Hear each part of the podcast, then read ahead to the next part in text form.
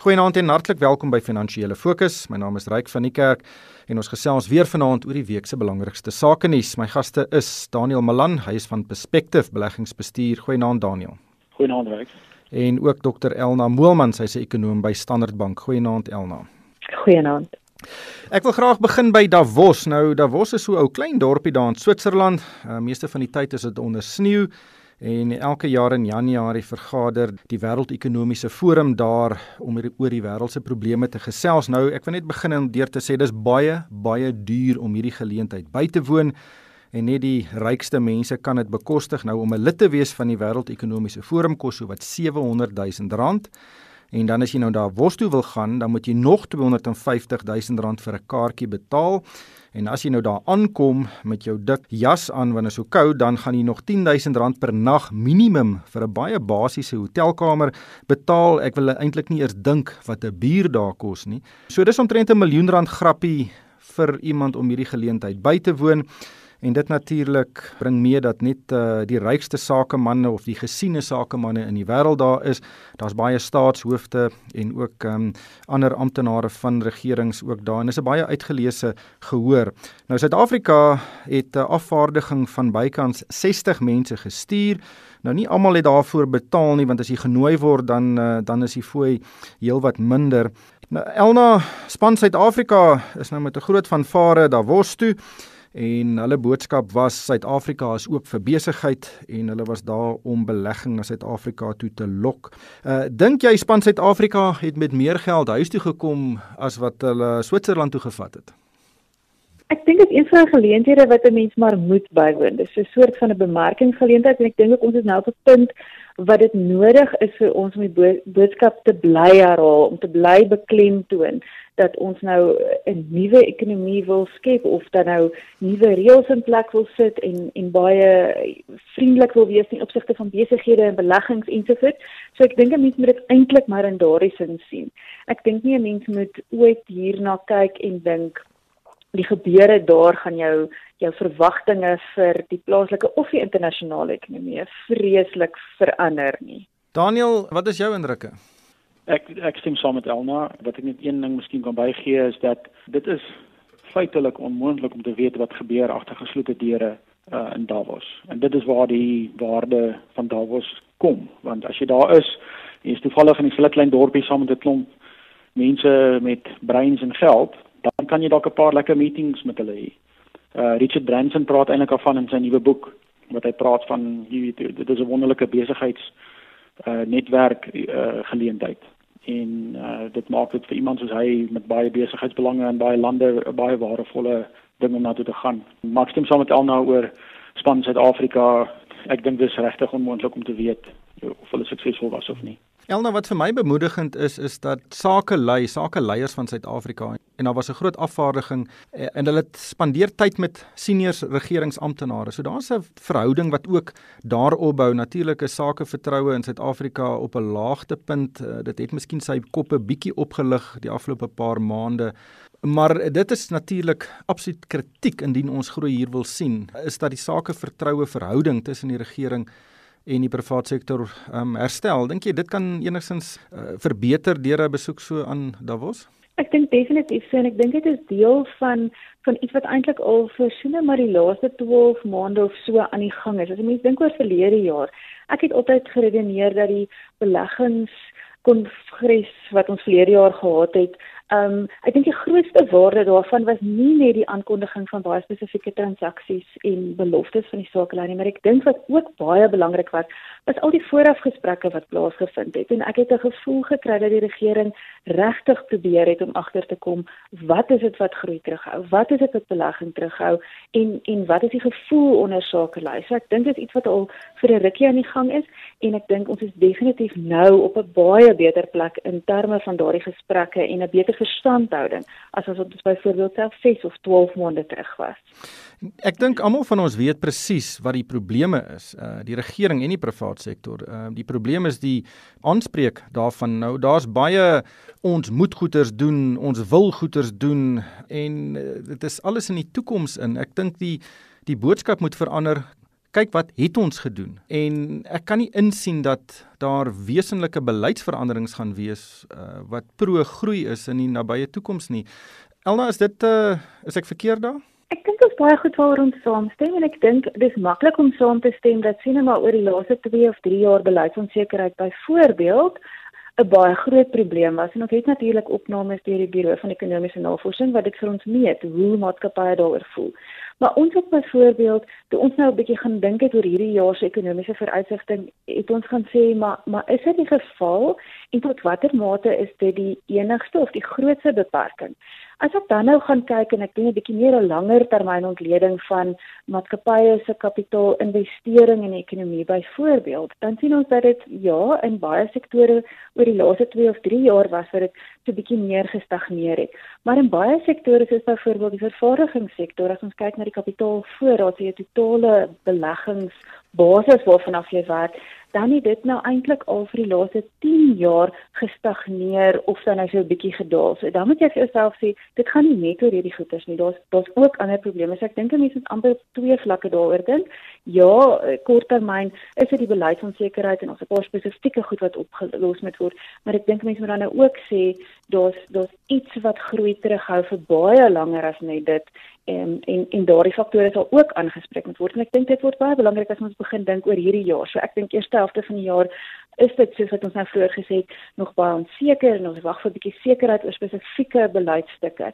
Maar die tweede helfte van die jaar kan jy dan nou net 'n marginale verbetering verwag as jy net dit oplos totdat jy by die punt kom dat jy regtig hierdie mededingendheidsprobleme van ons begin aanspreek en dit makliker maak om besigheid in Suid-Afrika te doen, ons meer mededingend maak, dan kan jy eers begin praat van 'n 'n beter stygings in jou totale investering en en groei profiel. Hmm. Daniel, jy's 'n 'n fondsbestuurder. Ek wil hê jy moet jou hoed as 'n entrepreneur opsit. Hoe voel jy as entrepreneur oor die uh, verhouding uh, wat die sake sektor met die regering het? Ryk, my persoonlike ondervinding is dat daar is amper niks in Suid-Afrika wat 'n uh, entrepreneur ondersteun om 'n besigheid te begin nie. Daar's sprake, hulle praat van goed, maar my praktiese ondervinding as 'n entrepreneur in die laaste paar jaar om besigheid te begin is dat daar is letterlik zero ondersteuning. Jy ek dink aan eenvoudige goed as jy as jy 'n start-up is en jy begin 'n besigheid en jy moet jou personeel aanstel jy moet salarisse betaal en op daai salarisse wat tipies nie noodwendig baie hoog is nie want jy begin 'n maatskappy, daar's 'n J-curve, nê.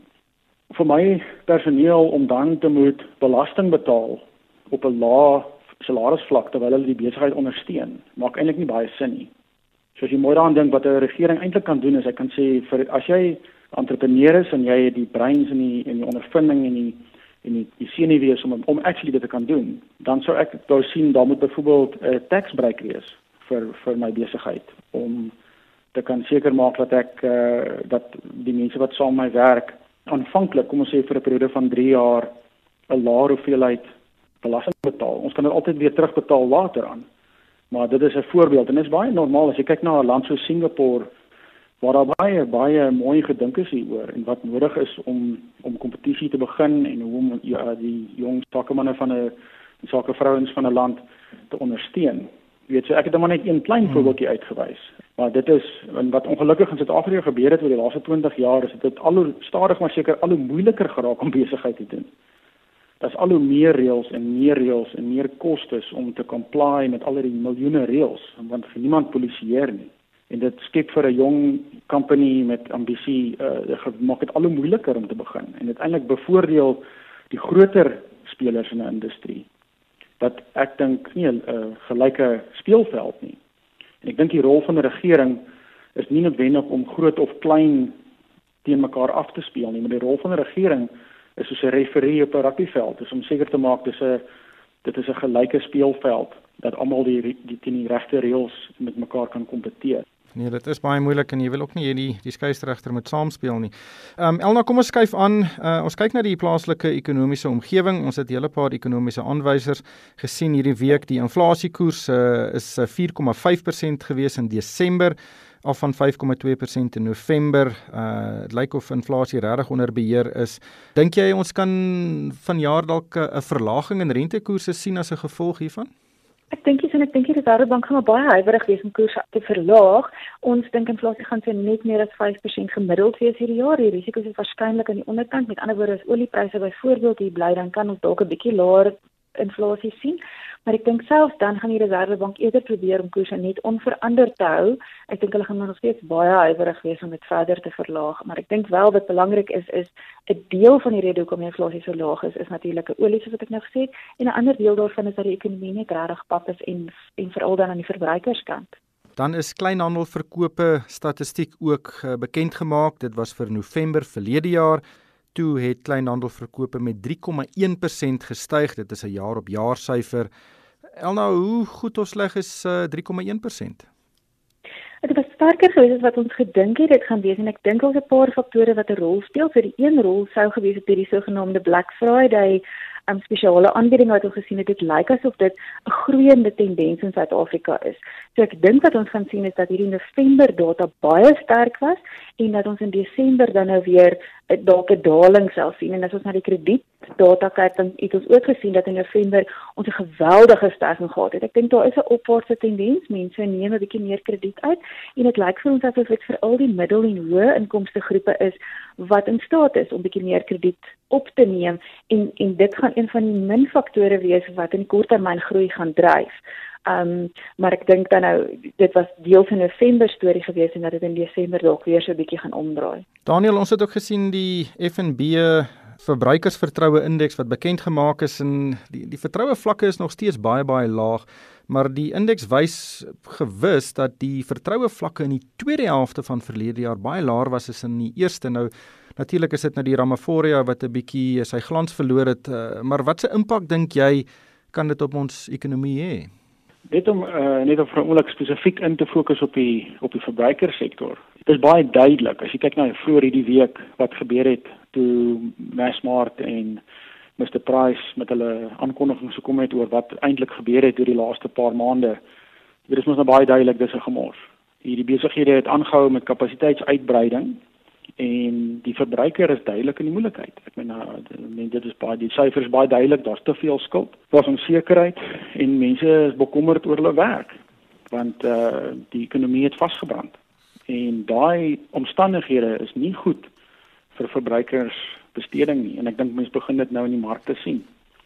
Wat vir my bekommer en ons het omtrent geen verbruikers uh, exposure in ons fondse nie. En die rede daarvoor is dat ten spyte van hierdie dramatiese dalings in pryse byvoorbeeld Massmart 20% geval na die dag was die prys 16% daai aandele is nog steeds op op uh, waardasie veelvoude wat ver bo uh, genormaliseerde vlakke is.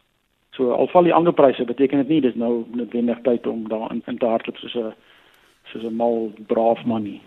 Ja. Kom ons kyk 'n bietjie noord van Suid-Afrika. Elna, Amerika het sy eie probleme. Hulle um, is in 'n sogenaamde shutdown en dit beteken die uh, regering wil nie die begroting goedkeur nie en gevolglik word nie noodsaaklike dienste nie gelewer nie. Ehm um, en dit alles gaan oor hierdie muur tussen Amerika en Mexiko wat uh, nie uh, die genodige goedkeuring wil kry deur die regering nie. Ehm um, en Donald Trump drink nou aan om dit te kry. Wat is jou indrukke van van hierdie hele storie? Ja, dis dis nog 'n moeilike situasie. Dis dis amper ongelooflik om te dink dat dit die langste ooit is wat daardie ehm um, regering nou in so 'n uh, stilstand is. Ehm um, dis dis dis moeilik om te verstaan hoe daardie spesifieke grensmuur dan nou so 'n groot ehm um, probleem kon geword het dat dat dit die gevolg is.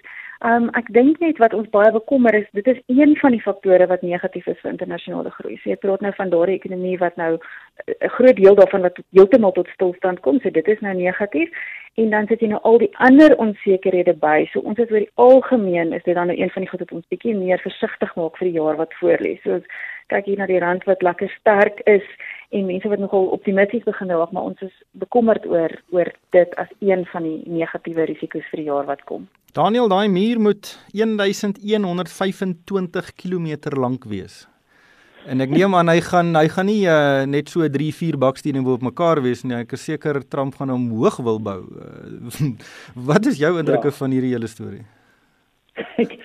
Een ding wat miskien party Suid-Afrikaners nie altyd besef nie is hoe groot Noord-Amerika is. Ek het my vrou ontmoet toe ek in Wang toe ek in Montreal gebly het en sy is in Vancouver. En dis uh dis 'n 4000 km vlug. so dis 'n groot plek en dit gaan baie geld kos, maar my persoonlike siening is dat ek dink meneer Trump is eh, president Trump is maar net 'n politi politikus eintlik en hy is besig om 'n uh, game te speel want hy wil gereelect word. Ek dink nie hy het enige intensie om 'n muur te bou nie. Ek de, ek dink dit is baie baie aantreklik vir hom om die demokratiese party in sy land te blameer. ja. So ek dink hulle speel maar 'n speletjie eintlik. Maar maar daar's 'n onderliggende ernstige issue vir my en dit is dat hierdie is bloot maar net nog 'n teken van die polarisering in die wêreld. As jy kyk na weet Brexit in in Engeland, Frankryk en die belastingrevolt wat daar aan die gang is en nou Amerika en daar's ander plekke in die wêreld ook. Ehm um, daar's 'n onderliggende probleem in in terme van uh, ek weet nie of dit miskien weet mense met geld en sonder geld of wat dit nou ook al is nie, maar hierdie is belangrike ge gevaartekens in die onderliggende striwelinge in die wêreld wat 'n mens nie moet ignoreer as 'n legger nie. Net laastens Daniel, die mark die afgelope tyd is maar stillerig. Daar's sekere sektore wat 'n bietjie deurloop. Uh, wat is net vinnig jou indrukke van wat tans op die mark gebeur en en dink jy dit uh, kan 'n tendens uh, stel vir die res van die jaar? Wat ek kan sê net as ek by die by die ekonomie begin, ek dink ons syfers is dat die Amerikaanse en Europese ekonomieë van die wêreld is baie swakker as wat die meeste mense besef. Die in Engelse woord is leading indicators wat ons dophou is almal oor die laaste 6 tot 12 maande baie baie skerp afgedraai. En uh, ek dink die aandelemarkte is 'n bietjie agter die curve. Maar ons dink wat gebeur het in Desember toe die S&P 500 met 16% geval het in die eerste 20 dae van die maand dit is 'n helse groot syfer en hierdie abnormale volatiliteit wat ons in die markte sien, selfs in Suid-Afrika ook, is uh, is eintlik 'n normale ding om te verwag in die, in die later fases van 'n bullmark. Uh, ek wil nie slim wees nie, maar dit is nie vir my te verbasend nie.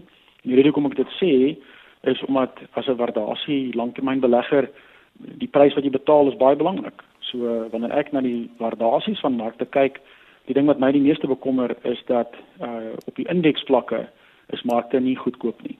So daar's 'n paar donderwolke op die horison. Maar ongelukkig hierdie tyd ons ingehaal. Baie dankie aan Dr Elna Moelman, sy is 'n ekonom by Standard Bank en Daniel Malan van Perspective Beleggingsbestuur.